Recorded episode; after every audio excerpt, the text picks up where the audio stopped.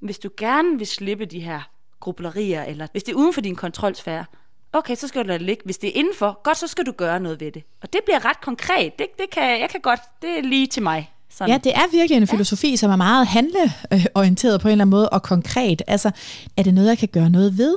Eller bruger jeg lige nu min energi og mine kræfter på noget, der er fuldstændig spildt og flyver ud, øh, og bare suger energi fra mig? Lev, kvinde, lev!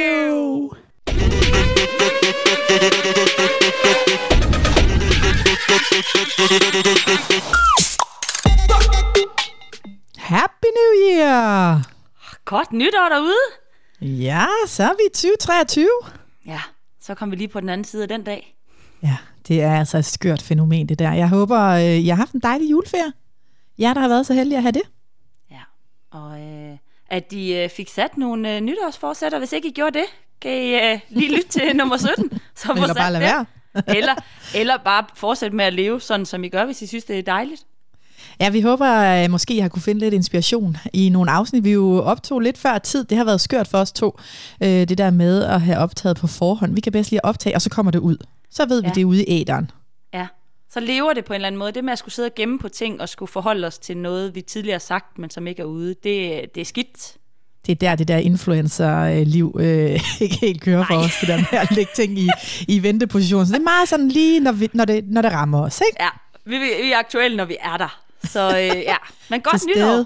Ja, det var, godt det var nytår. Det, og, og, og hvis vi øh, jamen bare lige kort skal sige, hvad kommer vi ind på? Fordi jeg skal jo høre en masse. Det er første gang, jeg ser dig her, så, øh, så det ikke, vi undgår ikke lige en check-in og, øh, og lige sådan høre, hvad, hvad pokker kunne vi efterleve vores egen øh, råd her i juleferien. Men øh, dagens afsnit har vi jo valgt noget så filosofisk, som at snakke om øh, stoicisme, som ja. er en filosofi ja. en, øh, en livsfilosofi, som øh, vi faktisk gerne vil inspirere til at, at have lidt med i baghovedet her i 2023. Den kan noget.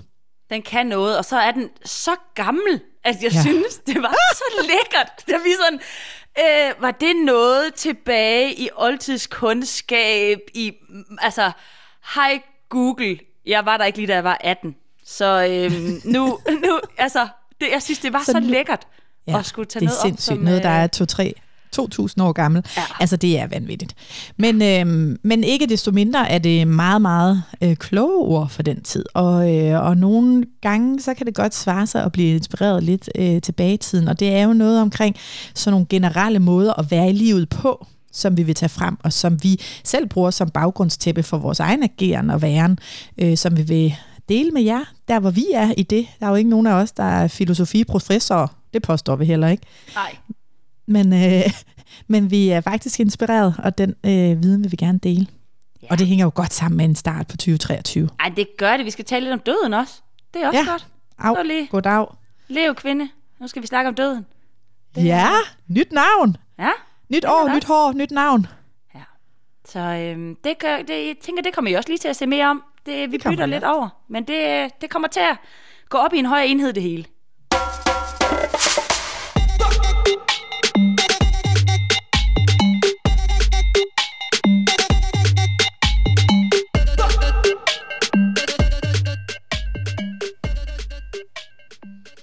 Lever du?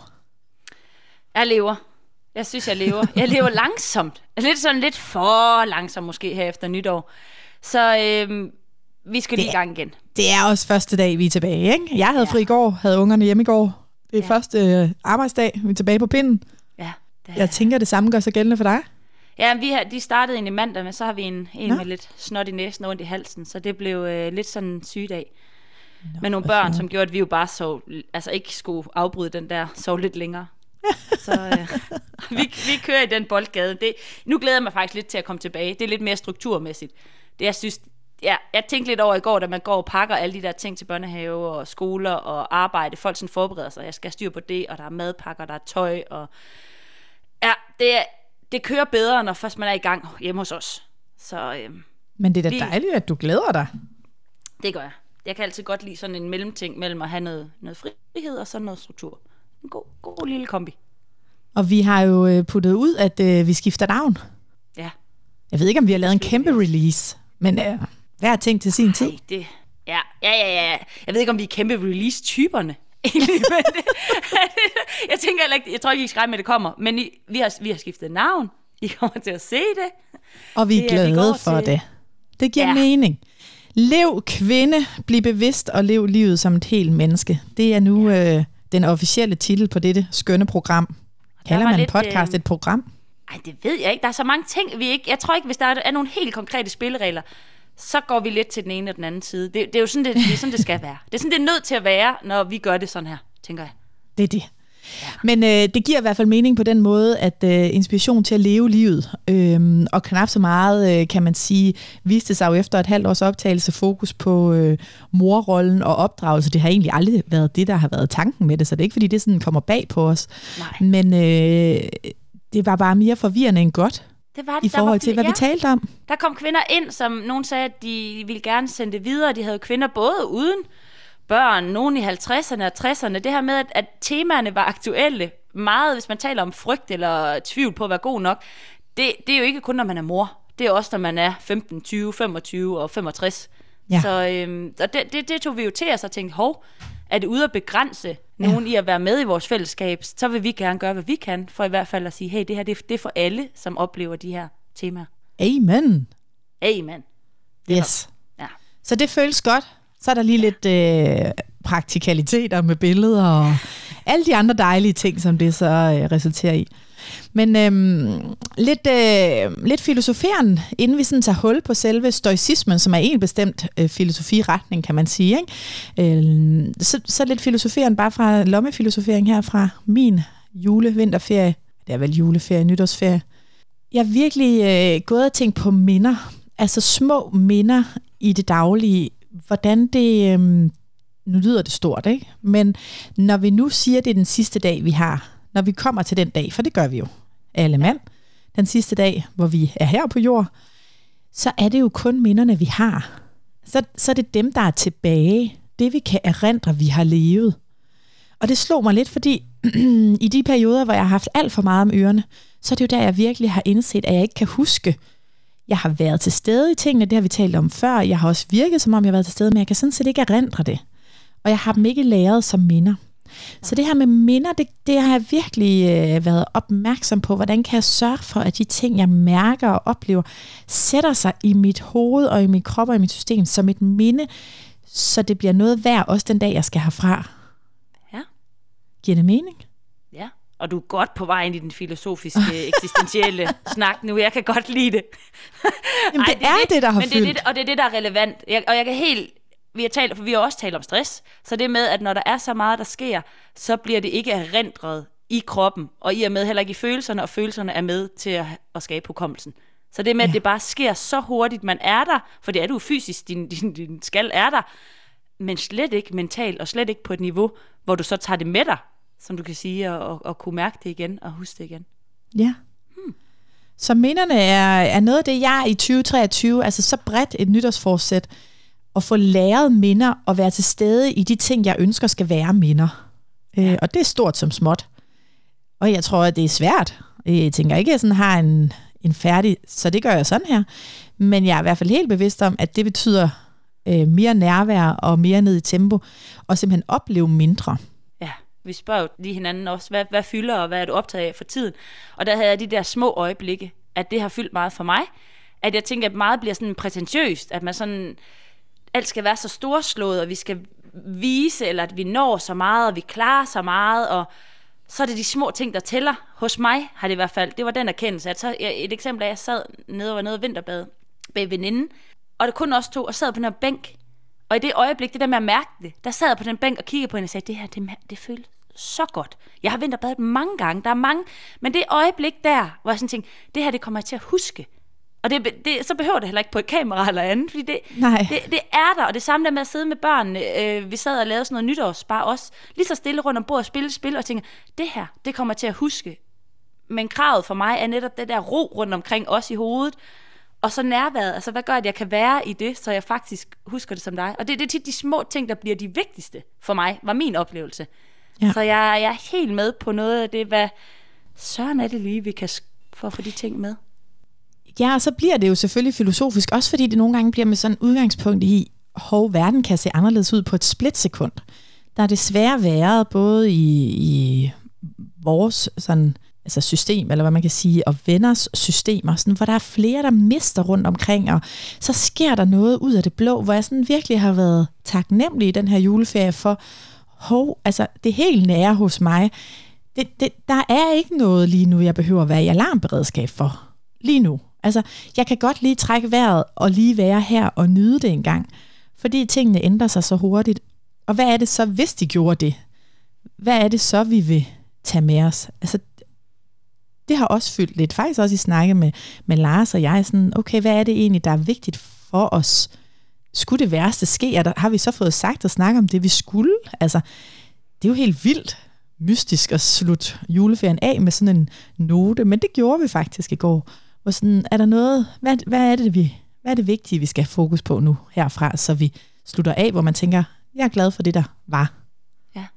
Og underligt man også ind om den der tanke, det er også sådan lidt med døden, at altid så kan det blive lidt dystert og lidt skummelt, og jeg synes jo, det er det, stoicismen kommer også til at minde os om, at jeg tror, der er mange, der går med noget dødsfrygt, og vi, øh, hele vores samfund er bygget op om, at vi udskyder det ikke taler om det, og næsten ikke kan være i det, mange af os.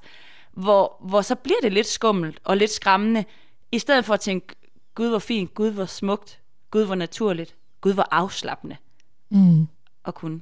Så det er, jeg synes, der er, mange, der er mange fine ting, som vi skal omkring her med stoicismen, som jo er netop så sygt gammelt, men de samme ting, der går igen, og er relevante, fordi det er egentlig de samme ting, der er aktuelle for os nu. Jamen, det er vanvittigt, og jeg ved ikke nu, nu det var selvfølgelig også øh, status fra juleferien, det blev hurtigt en filosoferende og en overgang. Øhm, men altså, skal vi kaste os ud i det, eller hvad? Ja, lad os lige komme tilbage til det gamle Grækenland.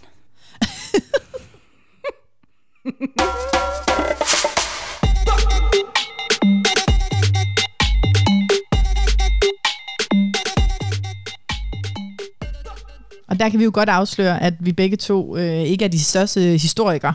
Så øh, når vi tager sådan nogle temaer op, så er det altid sådan, så kan jeg fornemme også på dig, der sådan, ah, men øh, hvornår var det nu årstalsmæssigt, og øh, kan vi name drop de rigtige mennesker, og var det Aristoteles, og hvad med Pila- Pilates? ja, hvad med Pilates? Hvor kommer han eller hun ind i billedet? Hvem er det? Åh, oh, det griner Nå, men, det, men ja. det, det er jo sådan noget, som vi jo bare øh, simpelthen må, må sige, det er ikke det er ikke der, vores stærkeste side er. Nej. Det er ikke sådan at lave et historisk oprids. Ej. Men vi er begge to meget imponeret over, de tanker, vi øhm, er inspireret af, det er jo nogen, der kommer fra en forfatter, vi begge to har læst, Nils Overgaard, har skrevet en bog, som vi virkelig godt kan anbefale, der hedder, at det hele handler ikke om dig. Ja. Og så øh, vores alle kære Svend Brinkmann, som jeg er sikker på, at mange lytter også øh, har hørt om og kender til, har skrevet bogen Stå fast, og begge bøger er egentlig øh, stærkt inspireret, kan man sige, øh, fra den stoiske filosofi, stoicismen. Øh, vi skal nok skrive på Instagram lige et, øh, så man kan google det eller søge det op, hvis man vil. Men øh, det, der ligesom går igen for den her, det er chokerende de ting, vi stadig er optaget af i 2023, som de altså før Kristi fødsel ja. talte om og som mange af de tanker, vi har, det er lige omkring vores tidsregning. Altså, det er jo 2023 år siden. Det er jo ja. helt kugeluk, at det stadig kan være aktuelt. Ja, ja, ja. Og det, det, det er derfor, det virker sådan også lidt komisk, når vi jo nu snakker om det, og sådan tænker, hvad, hvad siger du? Går vi og, altså, går vi og prøver at gøre de samme og følge de samme ting? Som de gamle tænkere, ligesom, og det er jo det her, nu name dropper Sokrates, Seneca, Epitek, jeg kan kun læse det op, Marcus Aurelius, for jeg har været inde og måtte finde det, for jeg er nødt til oldtidskundskab og historie. Men det her, det her det er ikke, for det er ikke, det er ikke så meget navn, det er det, de talte om, det de prøvede at leve efter, som bare bliver så aktuelt, at det er lidt sådan, men undskyld, er vi ikke nutiden? Er det ikke os, der skaber vores egen sådan fremtid? Jo, men vi, det er jo de samme ting, der er vigtige for os. Ja. Det er vildt. Det er... Øh, og man kan sige, at grundtanken i den her filosofi, hvis vi sådan skal riste det op, det er jo meget at have fokus på, hvad er det, vi kan gøre noget ved, og bruge mindre energi, kræfter på de ting, vi faktisk ikke kan gøre noget ved, som ikke er inden for vores kontrolsfære. Og det der jo øh, senere hen mange øh, nyere, moderne, alle mulige ledelsesparadigmer for dine medarbejdere til at fokusere på det, de kan gøre noget ved, øh, til dels det, de kan have indflydelse på, men slip alt det, der er et vilkår, slip alt det, vi ikke kan gøre noget ved. Ja. Altså, så det er jo gået igen, og det er simpelthen grundtanken i den her øh, livsfilosofi. Det er, hvordan kan vi bruge, altså leve liv, hvor vi har mest fokus på det, vi faktisk kan gøre noget ved. Hvordan kan vi agere og gøre, som vi ønsker at gøre? Og her er vi jo hen ved det at blive bevidste. Det er jo meget tænkere, som gerne har ville øge bevidstheden. Refleksionen omkring egen gøren i livet. Ja. Ikke kun for at styrke den enkelte, faktisk med et fokus på at bidrage mest muligt til et fællesskab. Og det synes jeg er så smukt også ved den her stoiske tænkning, at det var også tænker, der havde blik for ikke kun mig, mig, mig, ego, ego, hvad har jeg lyst til? Altså, det var ikke med den på. Det var mere, hvordan kan jeg være i verden på en måde, så jeg kan bidrage til fællesskabet ved de ting, jeg gør? Hvordan kan jeg have fokus på det, der er godt for mig at gøre, og bruge kræfter på, og bruge energi på, og bruge tankeressourcer på, så jeg kan være noget for det fællesskab, jeg skal bidrage ind i?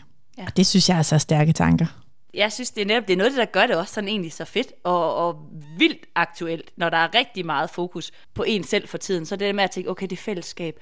Og troen på det at glæde andre, giver en glæde til dig selv. Altså, så det ikke bliver så individuelt det hele. Og i forhold til, mm. det du sagde før med kontrolsfære, det er jo også i forhold til det med alt det her tankemøller. At mange går med netop, at vi bekymrer os for fremtiden og for fortiden. Alle de her tanker, hvor det er sådan, okay, hvordan er der værktøjer til at kunne slippe det. For det er jo det, der også er så fint ved, det, ved, ved stoicismen, synes jeg. Det, det er den del, at de er meget på, at det er konkret, så der er store tænkere, og sådan har jeg set på dem tidligere, at det er store tænkere. Men så var det jo sådan en, en levemåde, hvor det ja. var meget det, der de nævner, men det er ikke kun at tænke det. Du skal gøre det, og du skal hellere gøre det, end at tænke det. Så det er ligesom, det bliver sådan handlingsbaseret på, hvis du gerne vil slippe de her grublerier eller ting, og hvis det er uden for din kontrolsfære, okay, så skal du lade det ligge. Hvis det er indenfor, godt, så skal du gøre noget ved det. Og det bliver ret konkret. Det, det kan, jeg kan godt, det er lige til mig. Sådan. Ja, det er virkelig en filosofi, ja. som er meget handleorienteret på en eller anden måde, og konkret. Altså, det er ikke selve det at gøre sig tanker, der er øh, det at lykkes. Det er faktisk det at gøre det rigtige. Og det kan man nogle gange godt, vi har jo talt en del om, men skal vi være altså være mere i væren frem for gøren, fordi vi er sådan nogle handlekvinder, så gør vi lige det, og så gør vi lige det, og så fikser vi lige det. Hvor man kan sige, det er selvfølgelig en balance, men den her filosofi og de her tænkninger omkring at være i livet, handler jo faktisk om at være bevidst om at gøre det rigtige. Altså at have selvdisciplin til at tænke, hvis jeg gør det rigtigt, så er det en måde at sætte mig selv fri på. Og netop som du siger, vi har jo været inde på frygttanker, og vi ved også, at der er mange, der har de her tankemylder, også kan have svært ved at styre bekymringerne der er den her måde at tænke, det med at have hele tiden fokus på, er det noget, jeg kan gøre noget ved?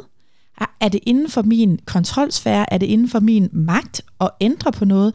Eller bruger jeg lige nu min energi og mine kræfter på noget, der er fuldstændig spildt og flyver ud øh, og bare suger energi fra mig? Fordi det er sådan, det er.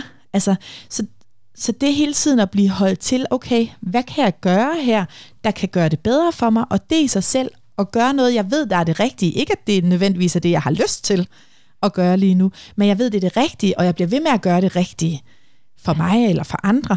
Det er sådan set, så jeg lykkes med at leve, og så bliver jeg et frit menneske og et glad menneske. Ikke? Det er hele tiden, hvad, hvad er min egen andel i det. Fordi vi bruger så sygt meget energi på at tænke på alle mulige ting, som, vi, som slet ikke er vores rådrum. Hvordan andre øh, vil svare sin diskussion, hvordan andre vil vende tilbage på noget, vi gør på arbejdet. Alle de her ting, hvor vi kan gruble, gruble, gruble, gruble. Mm. Og så er det jo ikke noget, vi kan styre, men jeg vil godt kunne styre, hvordan jeg vil fremlægge min egen sag, hvordan jeg vil tale til andre mennesker. Så jeg synes, det er sådan en fin måde at lige få sat den her afgrænsning på, men det jeg går ud og gør, det står jeg selv inden for. Og det er vigtigt, at jeg så faktisk gør de ting, jeg kan stå inden for, men det de andre vender tilbage til, det, det er slet ikke noget, jeg kan kontrollere.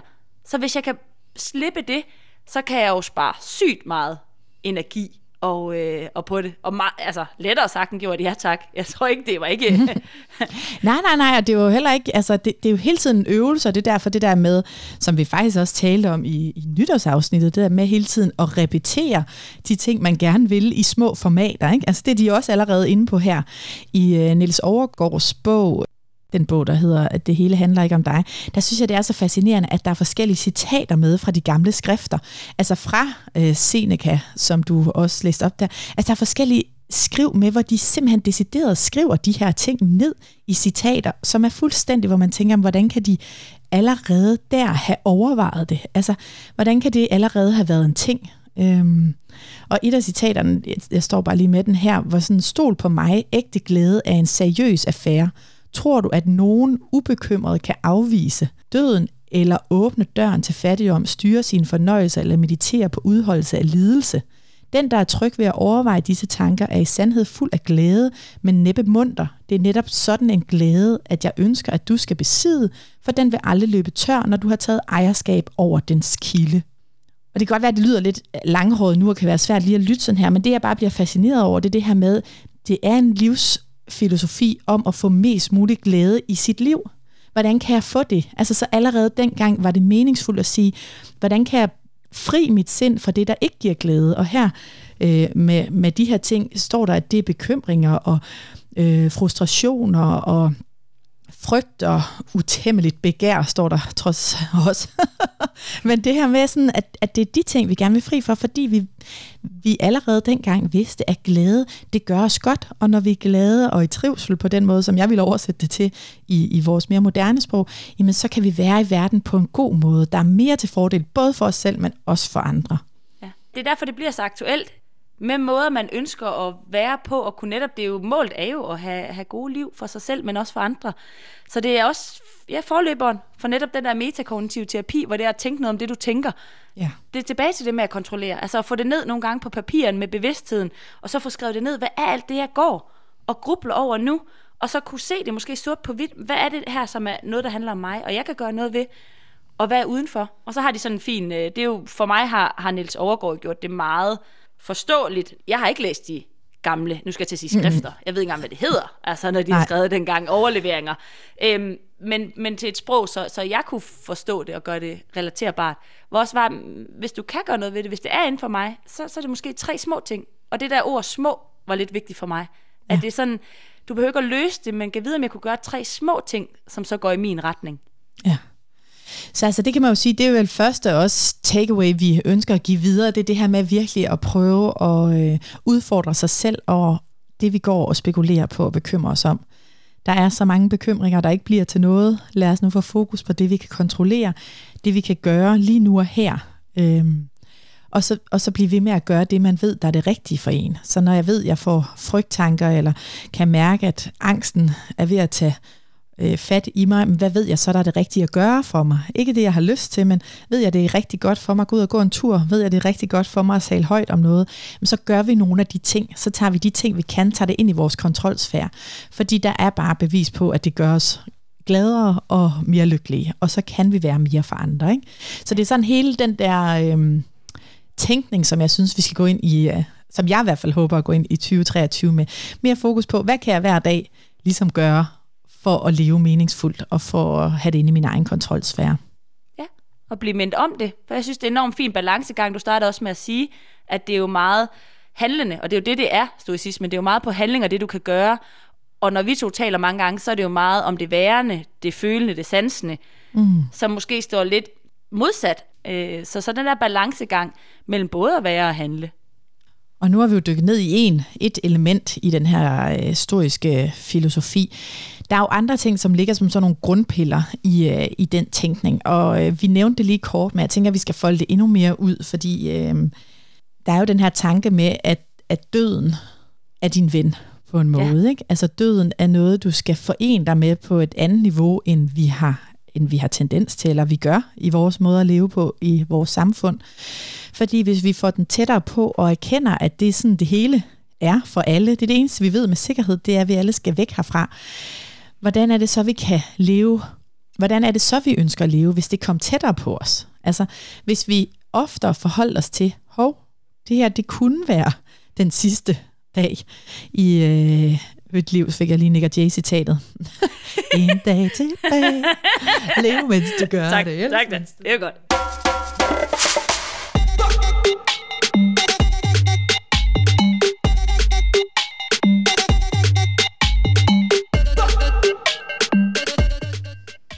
Det kan jo lyde lidt tungsindigt, som du også sagde, at tænke på, at, øh, at en dag, der skal vi væk herfra. Men faktisk, ifølge den her filosofiske tilgang, så er det jo mere en måde at blive fri i verden på. Fordi så får vi fokus på det, der er det vigtige for os, det, der betyder noget for os, og så kommer vi til at leve meningsfulde liv, hvis vi husker på det, hvis vi minder hinanden om det. Ja, det er lidt, jeg synes jo, jeg synes, det er noget af det fineste, når jeg, jeg ved ikke, hvad det er, 3-4 år siden, øh, hvor du tipsede mig om den bog, og så lyttede den, netop var på en flytur og begyndte at lytte til den, og blev bare sådan, det med døden i den, var noget af det, jeg synes var det største takeaway for mig, fordi det var så afbalanceret. Og jeg kunne virkelig godt lide tilgangen, som jeg sagde før, at det kan være skumt, men jeg kan godt lide, at det er så naturligt en ting, som det jo helt bogstaveligt talt er, men vi så prøver måske ikke helt at ville acceptere. Og så er der den del igen, det er jo egentlig uden for vores kontrolsfære. Så når, hvis vi nu kan lægge den tanke med, at vi selv skal kunne styre det eller andet, kunne acceptere, at det er så naturligt, dermed også at tale om det, både med os selv, med vores børn og vores nære, hvilket så også afføder den her taknemmelighed for så at være liv. Så jeg synes, der, er sådan, der var så mange elementer i det med døden, både at kunne acceptere døden og tale om døden, som gør det nemmere at være i livet jo. Så der, jeg synes virkelig, det har været fint, og også derfra, jeg har taget nogle ting med mig. Jeg hørte både Niels Aargaard sagde jo selv, at han stod i badet og så på sine hænder og forestillede sig lidt som, som når han var en død mand. Altså for at, det kan lyde grotesk, men for at minde om det der, men livet er ikke evigt. Det gør også, at jeg så er taknemmelig for den dag, jeg har i dag, og i hvert fald ikke glemmer det, indtil jeg måske får et vink med en vognstang og får en blodprop, og nogle gange jeg måske ikke får et vink med et vognstang og bare dør. Så det er mm. den her mm. med, at ah, hvis vi ikke skulle så langt ud, at vi skulle vente på, at vi næsten var døde, for at synes, at det var vigtigt at leve. Fordi det er så mange fortællinger, ikke? Altså, vi møder dem også i coachingrummet, at så er der sket noget, og goddag, så vågnede vi op og gjorde noget andet. Hvor man så nogle gange ønsker, altså lidt ligesom man kan ønske sig at få et, øh, ej, det ved jeg ikke, om man kan, men du ved, nogle førstegangsforældre sådan, jeg vil bare gerne lave et barn, øh, som er sådan to barn, som bare kan være med på det hele, og sådan, jamen, altså det der med, at man ønsker at springe nogle led over, ikke? Altså den følelse kan jeg også godt få her, at jeg sådan ønsker ligesom på en eller anden måde at, og, og ikke behøve selv at opleve det der dramatiske øh, tæt på dødsoplevelse, før jeg faktisk stopper op og tager stilling. Og det synes jeg flere og flere gør. Altså jeg synes, øh, du og jeg har jo gjort det, uden at vi selv har været ved at, at krasse af eller sætte træskoene. Så har man jo stoppet op og sagt, nej, livet, eller livet skal leves på en anden måde, og det synes jeg flere og flere og flere gør. Ja. Så på den måde håber jeg, at, øh, at man kan tage en genvej, og ikke sådan skal mærke det på egen krop. Øh, fordi det er der klart en tendens til, at så gør vi noget andet øh, ja. når vi har mærket det tæt på. Det er igen den der mulighed for at blive bevidst om, hvad er det for et liv, jeg lever? Gør jeg de ting, jeg har lyst til at være sammen med dem, jeg har lyst til at være sammen med at dele mit liv med? Og fedt, kan vi få det ned til nu, midt i 30'erne, og kunne vi det få det ned lidt længere ned, også den her bevidsthed, så mm. tror jeg, at vi bliver skarpere jo også til netop de her grænsesætninger og sige, hvad er det så, der ikke skal fylde. Så hvis jeg, og jeg gerne tror klart, vil... Øh, jeg tror ja. klart, de yngre generationer er foran for os. Altså, der tror jeg faktisk, vi kan trække et boomerkort. Det. Altså, jeg, jeg tror, de har mere. Øh, de har simpelthen set for mange af deres egne øh, forældre, som jo ikke er os, men jo øh, nogle ældre end os, kan man sige, også altså bare rende rundt med hovedet under armen og være stresset og, og tænke, det skal jeg ikke, det der. Det er Nej. ikke det, jeg vil. Altså, så der er flere, der, der stopper op, fordi de har set nogle andre ligesom gennemleve det. Ja, det er ikke værd for dem at arbejde sig selv ihjel. Der, der skal noget mere ind i livet. Og man kan sige, stoicismen ville gå så langt som at sige, at man kunne kysse sine børn godnat hver aften, og så, sige, og så tænke på, at det, øh, det var så det sidste. Øh, det kunne være det sidste kys. Og det, det er jo for voldsomt. Altså, det er jo fordi, vi ikke kan holde til at tænke tanken til ende. Ja. Jeg, jeg, jeg mener ikke, det er for voldsomt. Det er jo en rigtig nok tanke, at hvis vi hele tiden havde den der taknemmelighed i det, men, men jeg tænker, det er derfor, vi ikke kan tale om døden. Det er fordi, det bliver så uh, endegyldigt. De følelser, vi kan mærke snige sig ind, når vi snakker om, at det skulle være slut, at vi ikke skulle. Det er simpelthen for voldsomt at rumme, ligesom vi har talt om det her med forsvarsmekanismer. Sådan. Altså, så, så forsvarer vi os selv ved, sådan, så er det bedre, at vi ikke taler om det der med døden. Altså, ja. det, det, det, det vil vi helst ikke røre, øh, fordi det er ikke så rart. Det, men det, og så er det, det er dobbelt, for jeg tænker, det kommer jo til at fandme at bide os selv i røven. Fordi man, ja. igen, at det er uundgåeligt. Ofte er jeg fascineret også af folk, der arbejder på hospice. Fordi de fortæller jo om det. Øh, jeg har en tante, der, der har også arbejdet på hospice. På en smuk, altså det er smukt. Og så tænker ja. jeg, hvis de fortællinger kan komme ud, det er folk, der ved, at de skal dø. Ikke alle er afklaret med det, men mange af dem, der er og har accepteret det, der er det en smuk oplevelse. Det er en smuk afsked. Og det står så i en kontrast til, at man altid tænker, det er brutalt og voldsomt, hvilket det er savnsmæssigt og sovsmæssigt, men at det også kan være smukt. Og det gad, jeg, jeg gad virkelig godt, at døden også bliver virkelig smukt, at man hylder livet, der har været gennem døden. Ja. Og det, ej, det, er, det prøver jeg virkelig med mine børn, og der er det altså en, der er en tilgang sådan noget med dyr og kæledyr, det kan også lyde makabert, men at forstå, altså se døde dyr, vi er jo, vi er jo bange for alt, der er dødt nærmest. Ja, altså en vi. lille mus, en fugl, altså vi er jo bange for alt, hvor, hvor børn har i udgangspunkt af min oplevelse, er de nysgerrige. Så kan man der lige hive sin egen øh, fejlbelærte tilgang til døden ind og sige, Nå, den er død, gud så spændende. Kan vi se lidt på den, eller gøre et eller andet? Hvad? Ja. For det er i hvert fald min, mine børn har været, synes, det er sindssygt nysgerrige. Det kan også være med, nu, jagt har jo også været en tilgang for vores børn, at være med til at opleve dødt dyr. Se på det, kig på øjnene, og se indvoldene. Altså alt det der, egentlig er det både af nysgerrighed, men så er vi bare blevet så meget fjern fra det.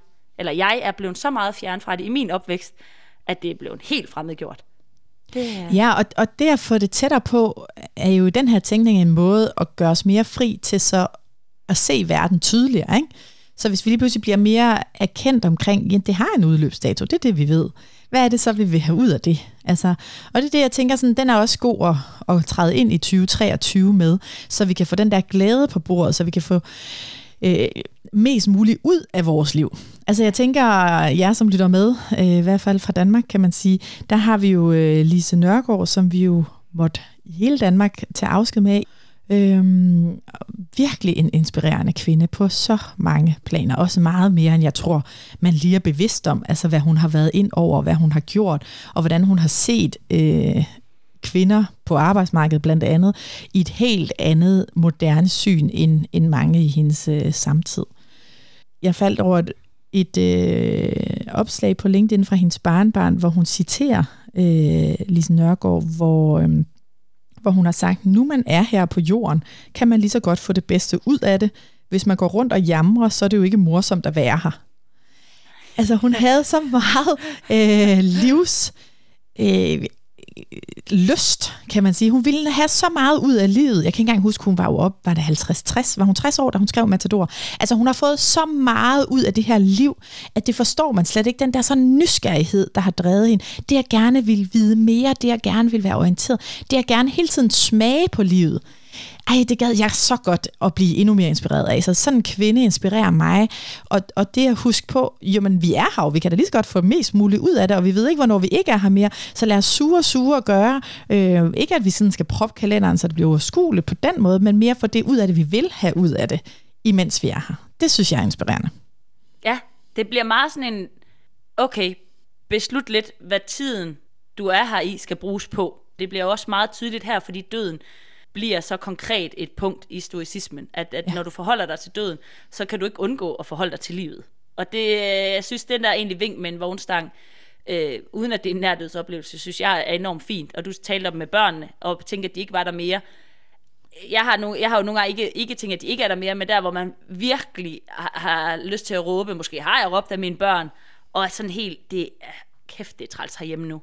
Man tænker, det stopper en dag. Altså enten fordi de jo er flyttet hjemmefra, eller en lille snært af tanken om, tænk hvis hun døde. Altså når jeg lige får den Ej, ind kan du over, gøre, makaber får tanke, du lige tænker, du, ja, det du kan det? jeg godt. Men, det, men det, er ikke, det er ikke fordi, jeg har lyst til at tænke, men jeg ved bare, hvis jeg lige tænker, bare lige forestil dig, at det lille skrigende raballer derovre lige nu, ikke lige bare her i morgen. Bum, så ændrer hele mit indre opsæt sig fra, at vreden er det alt overskyggende, til at min kærlighed den bare vælter frem. Det er ikke, mm. det er ikke at, at jeg så giver hende ret i alt muligt, men jeg kan bare mærke, og der fik jeg tålmodighed til at være i det her. Okay, der kom min om- omsorg frem. Til Og at det er jo vide, fuldstændig ind i den her øh, historiske tænkning, men jeg synes, det er drønhammerne nærmest umuligt at turde tage den derhen, fordi der er også sådan en, en lille my af overtro, eller sådan, hvis du tænker det, kan det så Ah, ske? Du tænker, ja, ja, ja, sådan en selvopfyldende profet. Ja, ja.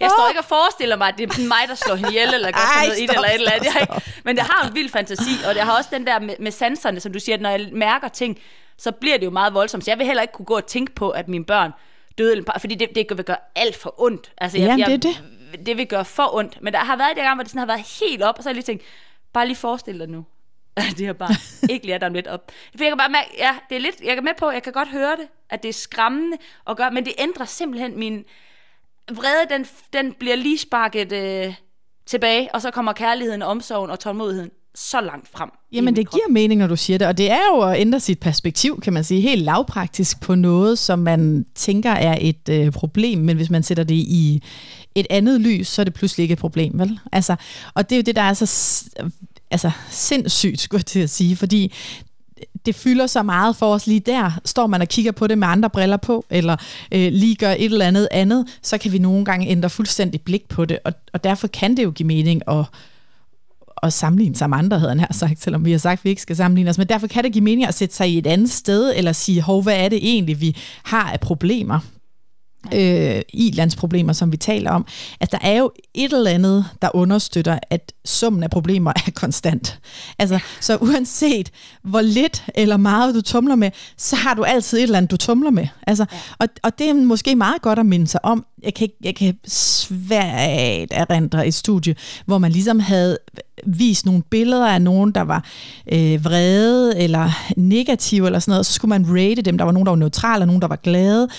Og jo flere vrede mennesker der var, så rated de her personer, om de var vrede og utilfredse. Og så var der noget med, så skiftede man dem ud, og så blev der mere og mere neutrale mennesker. Men så rated man bare flere neutrale som vrede. Så, ja. så, så pointen var, at det var konstant den øh, negativitet, vi, vi pålagde. Vi tog bare barn længere ned. Og ja, lige netop.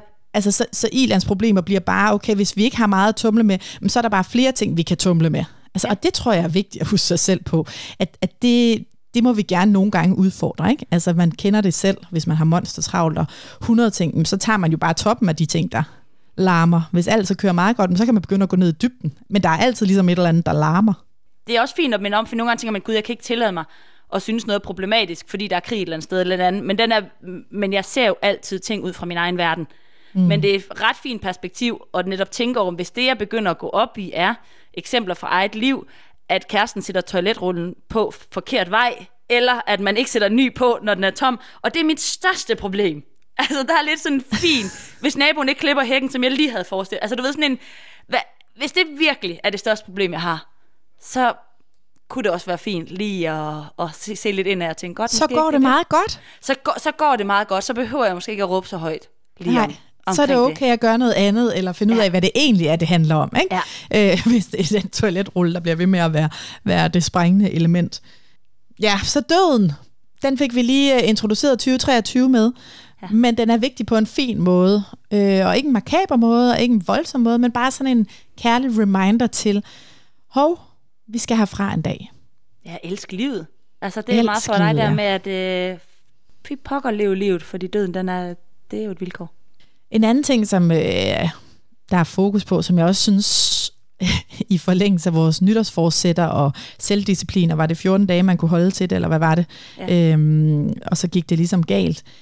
Så øh, lever de jo også ud fra en tænkning om, at selvdisciplin er vigtigt, og at de fristelser, vi hele tiden møder, og især i den her måde, vi lever livet på nu, er der jo sindssygt mange fristelser online og på telefonen, altså alle steder, både det man spiser, det man ser, det man bliver underholdt med, at det faktisk det at have selvdisciplin og blive ved med at gøre det, man synes er godt, uanset lysten eller det, man bliver inspireret til, eller øh, bliver prøvet at blive stjålet i ens opmærksomhed, at det i sig selv også frigør en.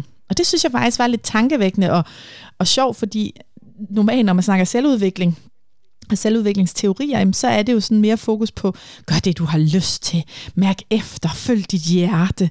Altså, øh, hvor, hvor det er jo ikke altid, at det, altså, og det kan jeg godt genkende, det gør mig ikke altid lykkelig. Jeg har for eksempel fået meget blik for i 2022, det at være noget for andre, at jeg pludselig kom tilbage til som noget, der betyder sindssygt meget for mig. Men det er jo ikke altid sådan en indre drive af, nu skal jeg være noget for nogen. Der har jeg da måske mere lyst til sådan helt lavpraktisk bare at se en serie fra Netflix eller ligge på sofaen.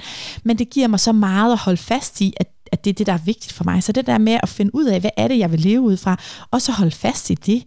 Ikke urealistiske mål med 20 km øh, hver anden dag, der skal ud og løbes eller noget af den dur, men sådan mere nogle leveveje, øh, nogle levemåder, Øh, det, som er den godt, selvdisciplin. Ja. ja. Det, som er godt for mig, det er at vide, det er akkurat som siger med at gå en tur ting. Det har jeg ikke lyst til, når jeg ligger på sofaen. Eller jeg har ikke lyst til at tage den svære samtale. Det er lidt nemmere, øh, hvad enten det er i relation derhjemme eller på arbejde, bare lige tænke, nej, nej, det går nok over. Øhm, er, det, er det noget vigtigt, så den jeg tænker, okay, jeg, jeg står jo for det her. Så nu gør jeg de her små skridt på vejen, som gør i det store billede, så ved jeg, det er godt for mig. Og jeg ved måske også, at det er godt for andre. Det kan man jo tale, hvis det er ude i relationerne. Måske jeg ved fra tidligere har erfaring med, det er godt for vores forhold eller relation også som venner, hvis vi i tale sætter det, der lige gnider lige nu her. Så de her sådan øh, lige netop leveregler, som er, det, det ikke er lyst. Og det er ikke, øh, følelserne vil også fortælle, det er farligt, lad være, gå væk. Men, men det, det holder dig på, på sporet, fordi det, det, det er lidt det rigtige at gøre. Ja, der af kommer titlen jo også en lidt provokerende titel. Det hele handler ikke om dig, ikke? Altså, så det hele handler ikke om en selv altid. Og det er sådan set meget sundt lige at minde sig selv om. At det hele handler ikke om, hvad der sker i min lille navle. Øh, og, og hvad der lige foregår her. Jeg tror også, at jeg på et tidspunkt fik det nævnt det, men det er stadig noget, der gør mig glad, at formanden for Dansk Psykologforening havde sådan en skeptisk holdning til, at trivsel skulle på skoleskemaet i folkeskolen, fordi det der med at lære børn og unge, at det hele handler om, hvordan du har det og mærker og er og føler, og at vi hele tiden er inde og kigge ind af og kigge ind af og mærke efter, og hvordan er det lige, og har du det okay, og alt godt det er ikke altid det, der er det rigtige. Vi får meget ud af at være noget for andre. Vi får meget ud af at huske på, at verden ikke handler om os. Altså, den er ikke bygget rundt om vores lille navle. Det er det, der sker i teenageårene. Det er rent hjernekemisk mæssigt agtigt. Så tror vi jo alle er optaget af, hvad vi laver. Altså, ja. og, og den er lidt... En gang var det noget, der hørte teenagealderen til. Jeg synes, den er ligesom med SoMe og hele det her, så er den ligesom sådan forlænget lidt, at vi er så, vi tænker, folk er så optaget af, hvad vi alle sammen hver især gør, men når det kommer til stykket, er vi jo ikke det. Altså, der er jo ikke Nej. mange, der tænker på, hvad hinanden egentlig gør, eller laver, eller er optaget af det. Men man tænker, at alle øjne er rettet mod en, fordi det er så nemt at blive set i den her måde, vi lever vores samfund på. Så det at minde sig selv om, at verden er stor, kig op i øh, stjernehimlen, som jeg skal hilse at sige, er smuk i Nordjylland. Nøj over julen. Når der ikke holder, er gadelygter. holder, holder. Hvad? Når der ikke er gadelygter. Ja, det, det havde københavneren lige glemt. Det. Wow. Jamen, der bliver man altså mindet om, hvor lille ja. man er. Ikke? Kigger op og tænker, okay, det kan jeg ikke overskue det her. Det er simpelthen for stort. Altså, jeg kan ikke... Jeg, jeg du tænker ikke, det var lidt befriende? Det. Jo. var mere sådan, ja, ja, nej, der er lidt, ja. Jo, Hørte? gjorde jeg det? Jeg var i hvert fald meget... Altså, jeg fik alle ud for stuen, bare sådan, hallo, prøv lige at kigge her. Hallo, hallo, hallo. Gå en tur ja. i plantaret, er det ikke det, inde i København? Jo, det kunne jeg gøre. det er ikke det samme. Det er jo ikke, det er jo ikke storhed for... Nej, nej, jeg, kan, jeg, kan, jeg, kan helt, jeg er helt med. Jeg er også begyndt nærmest at interessere mig for stjernebilleder, fordi der er så mange stjerner, man tænker, er det tegn? Er de billeder? Hvordan ser de ud? Hvor er de henne på himlen? Ja, ja. Det er... Øh, Ej, det glæder mig til at følge en ny verden. Med. Ja, det er nemlig bare sindssygt spændende. Nå, det var et... Øh, men det er jo ja, ja. mere det her med, at det hele handler bare ikke om os. Det er større end os. Altså, Nej. Det, det er så meget større. Vi er så nogle små væsener rundt med to ben og tænker store tanker om livet. Men det tænkte de så også bare lige for 2.000 år siden. Og så var vi ikke kommet så meget mere længere, kan man sige. Altså, Nej, men man fik jo de sociale medier. Den, altså den selvoptagethed, synes jeg, der er vokset. De studier viser jo, nu mere du er på Instagram, nu mindre synes du om dit eget udseende. Nu mere du Ej. er på LinkedIn, nu dårligere en karriere synes du selv, du har. Altså den er man bare tænker, pis, pis, pis, pis, taget betragtning af, at man sådan er der. Og, så, og tak, fordi du sagde det højt, fordi der er noget, jeg skal arbejde med her. Men der er at, noget, at jeg skal virkelig være bevidst om. Ja. ind i den der selvoptaget, og man tænker, okay, jeg ved godt, det er en facade, og alligevel, så kan systemet ikke helt forstå forskellen. Så der er sådan, hvor jeg har tænkt, okay, nu skal der nogle grænser på, hvordan man bruger det der som en arbejdsplads, eller hvad er det, det skal være, for netop at zoome ud fra en selv til at tænke, fællesskabet. Hvad er det, jeg ja. gør, som er fællesskabet, og for dem omkring mig? Fordi det er helt 100 på, værdien i at gøre noget godt for andre, er så vild i en selv også. Mange gange. Helt vildt. Altså.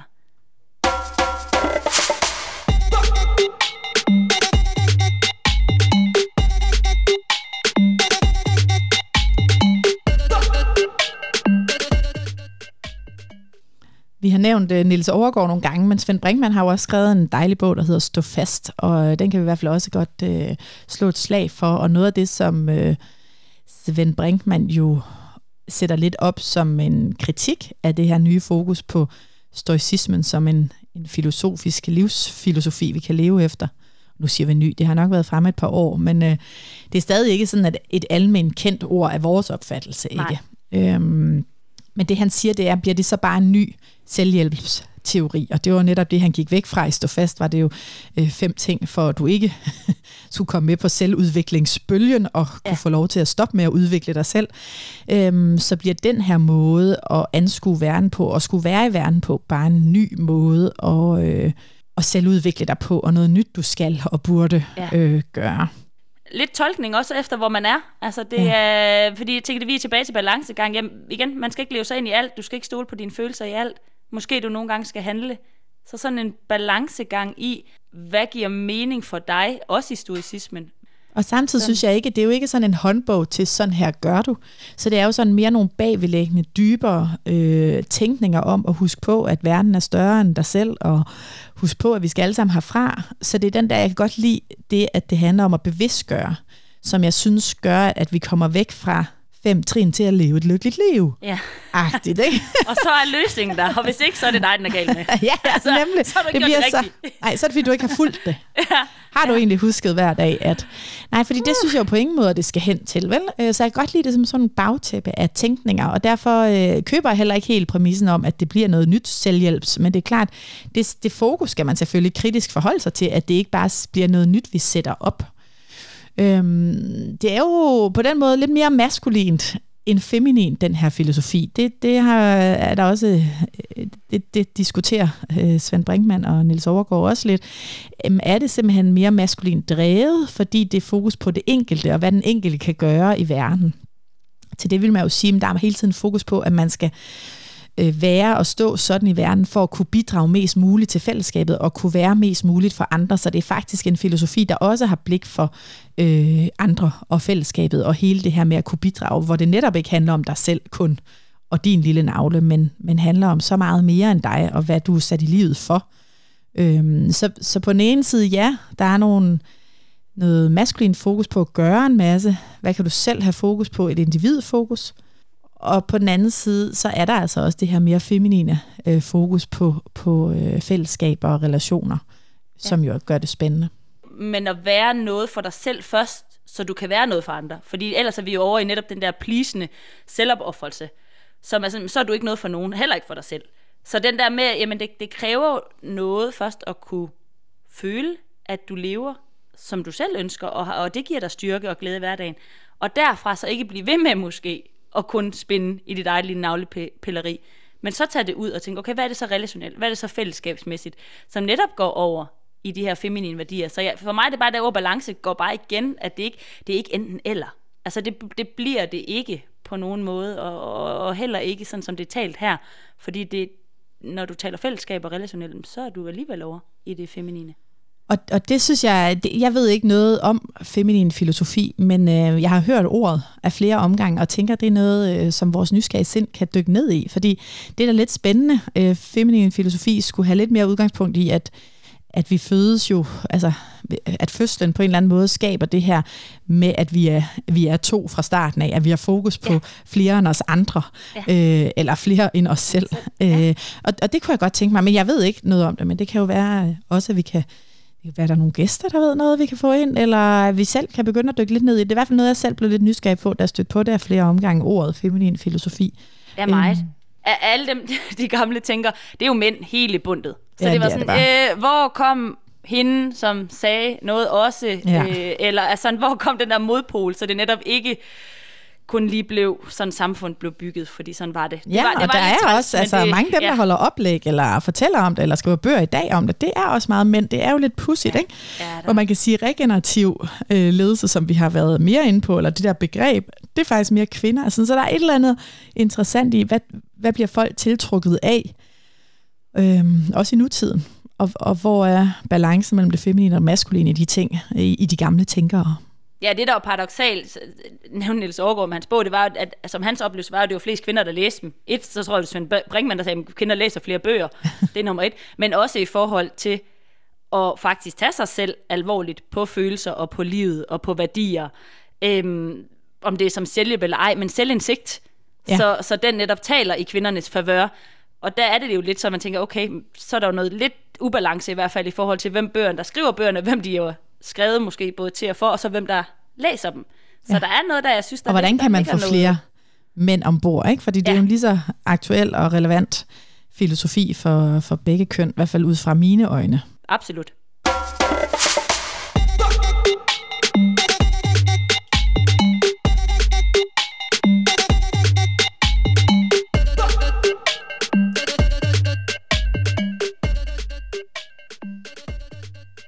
Tænker, altså, det er en god øh, slutnote på øh, første kapitel på stoicismen. Ja. Vi håber, at øh, det gav lidt inspiration derude. Ja, og så skal vi skrive lidt, øh, vi skal bygge lidt op på Insta. Der er jo det her dejlige at høre sådan folk sige, at når de kan noget på latin, så bruger man det, fordi man synes ja. ligesom, at, øh, at så kan man i hvert fald sige det. Og der, øh, den er blevet sagt mange gange, memento mori, og det er husk, du skal dø. Så det kan man godt begynde måske gå og slænge lidt ud, og så spørger folk, hvad siger du? Og så, nej, det er bare, fordi jeg er lidt optaget af stoicismen for tiden. Ja. Nu skal jeg fortælle dig om Sokrates og de andre, hvad det ja. handler om. Jeg, ja. jeg, har, jeg lever ud fra en livsfilosofi, ja. stoicisme. Jamen, det lyder faktisk lidt ja. lækkert. Man skal lige uh, have det, lige øve sig lidt hjemmefra, ja. inden man sådan går ud i verden. Det, det, det, det er en inspiration til det. At komme Men ud altså, og, fortæl mig lige uh, lidt om uh, juleferien, Pernille, fordi Nå. nu kom vi lidt, jeg synes, vi kom lidt hurtigt over det i, uh, i starten. Og jeg er egentlig lidt nysgerrig. Jeg har jo ikke talt med dig. Har det været godt? Nej, det har været godt. Vi var hos svigerforældrene på fjellet, og det, det er to og en halv time herfra. Men det var dejligt, sådan helt stille og roligt. Og familie, det der jeg hæftede mig ved, det var, vi har jo lavet et afsnit om grænsesætning lige op til jul. Og noget af det, der virker rigtig godt for mig, det er at sige det højt, det er at skulle tænke over det, simpelthen holde fast i min bevidstgørelse over for dig. Og det blev det med juleferien med grænsesætning. Vi havde snakket om det, og så var det sådan, Pernille, så sætter du nogle grænser nu. Fordi du kan ikke komme tilbage over nytår, og så sige, øh, at du ikke gjorde det. Jamen, det er så, så lækkert. Så min grænse var jo øh, at tage hjem en, et, et halvandet døgn før i huset. Være i eget hus derhjemme, uden sin familie, men hvor du ikke skal noget.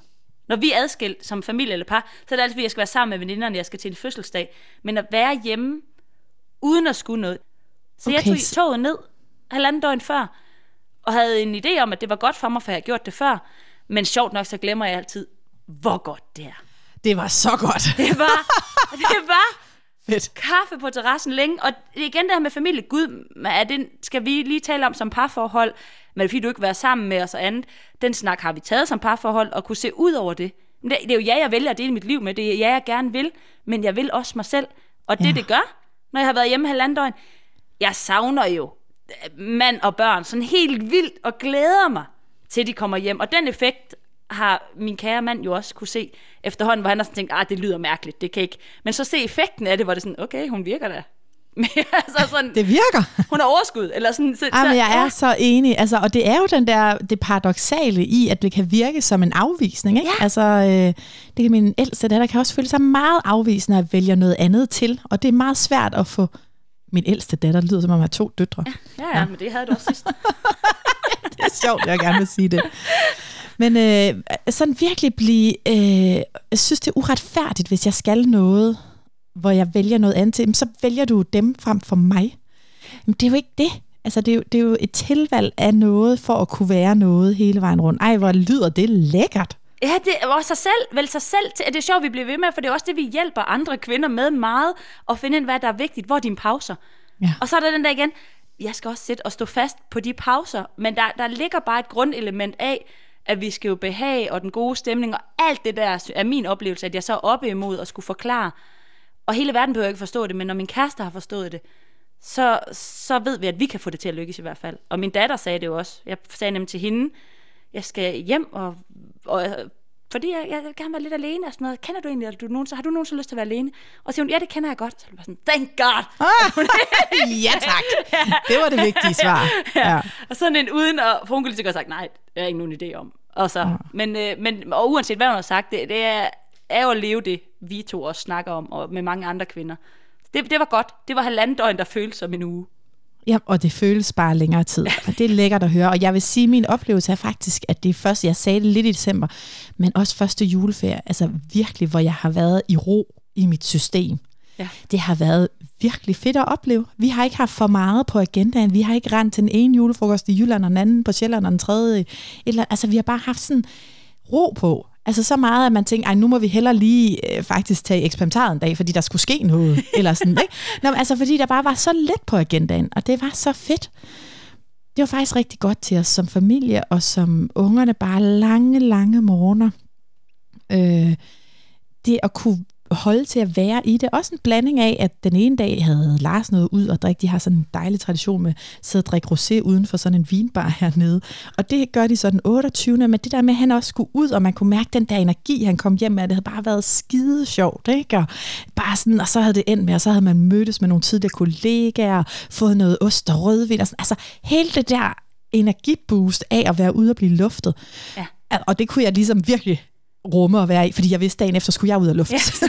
ja, det er ikke, jeg giver ikke kun. Jeg giver ikke kun ud der. Hej, det tredje Altså det der med at være noget for andre og sådan noget, der, nej. Nå, men altså, jeg vidste, jeg havde sådan en dag ved frisøren, og så skulle jeg ud og paddle tennis, og vi aftaler at få en øl bagefter. Sådan. Det der med bare sådan lige et break, var det sådan, det er sgu okay. Der er ikke noget, man skal have dårlig samvittighed over. Eller, fordi der var så meget andet tid, hvorimod hvis vi havde rent til alt muligt, så havde man lidt dårlig samvittighed også at skulle det, ikke? Så, ja. så det kunne noget, og jeg vil da sige, at det er da godt, vi laver det her, for det er en kærlig reminder til, nu må du lige selv prøve det der af så, ikke? Altså, ja. det er nemmere, når man får sagt det højt. Det er da helt klart øh, en, ja. en erfaring. Ja. Og så øve, det er virkelig også det vilkår. Det er jo igen og igen, det bliver nemmere, når man øver det. Altså, fordi vi begyndte på det her med, at jeg tog selv hjem og bare var selv, eller Thomas tog pigerne med en weekend og sagde, kan I ikke op besøge jeres forældre? Sådan ja, og så er jeg herhjemme. Bare sådan, hvad snakker du om? Er vi ved at gå fra hinanden? Sådan, Nej, jeg tænker faktisk, vi bliver bedre. Og så prøve det, og det er fire år siden, og nu, nu øh, tænker han heller ikke over det mere. Så det med at få spredt det ud til at, at være mere, øh, ja, mere end bare en normal ting, at man gør. Ja. Og vi ved, ja, det, det er svært, altså, fordi det er jo hele tiden sådan at, at kunne tale og være afstemt om det, ikke? Ja. Øhm, og, hvad, hvad, og, og tit er det jo også, fordi det, der er forskellige behov. Altså, ja hvis der bare var de samme behov, øh, men der er jo forskellige behov for, hvad vi har brug for, ikke? Øh, og det kan både gå den ene vej og den anden vej. Øh, jeg tror også, mange parforhold, der lytter med, måske kan genkende den modsatte vej. Altså, hvor det, at den anden har mere lyst til at være ude eller gøre noget, at, og det at kunne rumme det, jeg synes, ja, det er også fedt, uden at man selv føler sig afvist. Ikke? Mm. Altså, det er jo lige så svært, tænker jeg. Ja, ja men det, det, er, det, er, det er tosidigt, og det er også at, at skulle vende, hvis Thomas kommer og siger, at han har gjort det i meget mindre grad end mig, så jeg er også på, hvis han kommer og sagde til mig at tage lyd. Jeg er ret overbevist om, at jeg de første gang lige vil have sådan en lille stik. Sådan, er der noget galt? Er, er der noget? Altså, indtil ja. ligesom den der igen med at blive eksponeret for det nok gange, til at tænke, okay, det er sådan her, det er, og effekten er, at vi bliver bedre ja. og stærkere. Men øh, jeg tror lige, der er lige noget intuitivt, der lige får lov at køre lidt til at starte med. Og lige... Nå.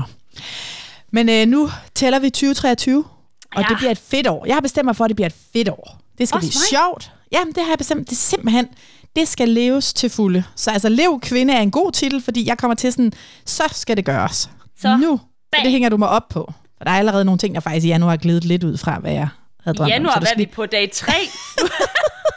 Nej, jeg mener bare, når jeg kigger kalenderen, tænker jeg, nej, nej, nej, nej, nej, nej. Du, det var du ikke det, jeg 14 dage med din egen selvdisciplin på dit nytårsforsæt. ikke tre dage. Glæde, glæde, glæde. Ha' det fedt. Lev god, meningsfuldt. Ja, god fornøjelse. Ja. Jamen, det bliver super godt.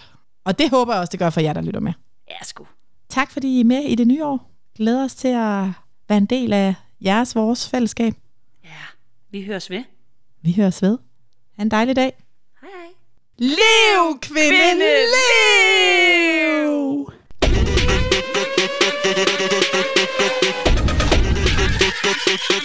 lev!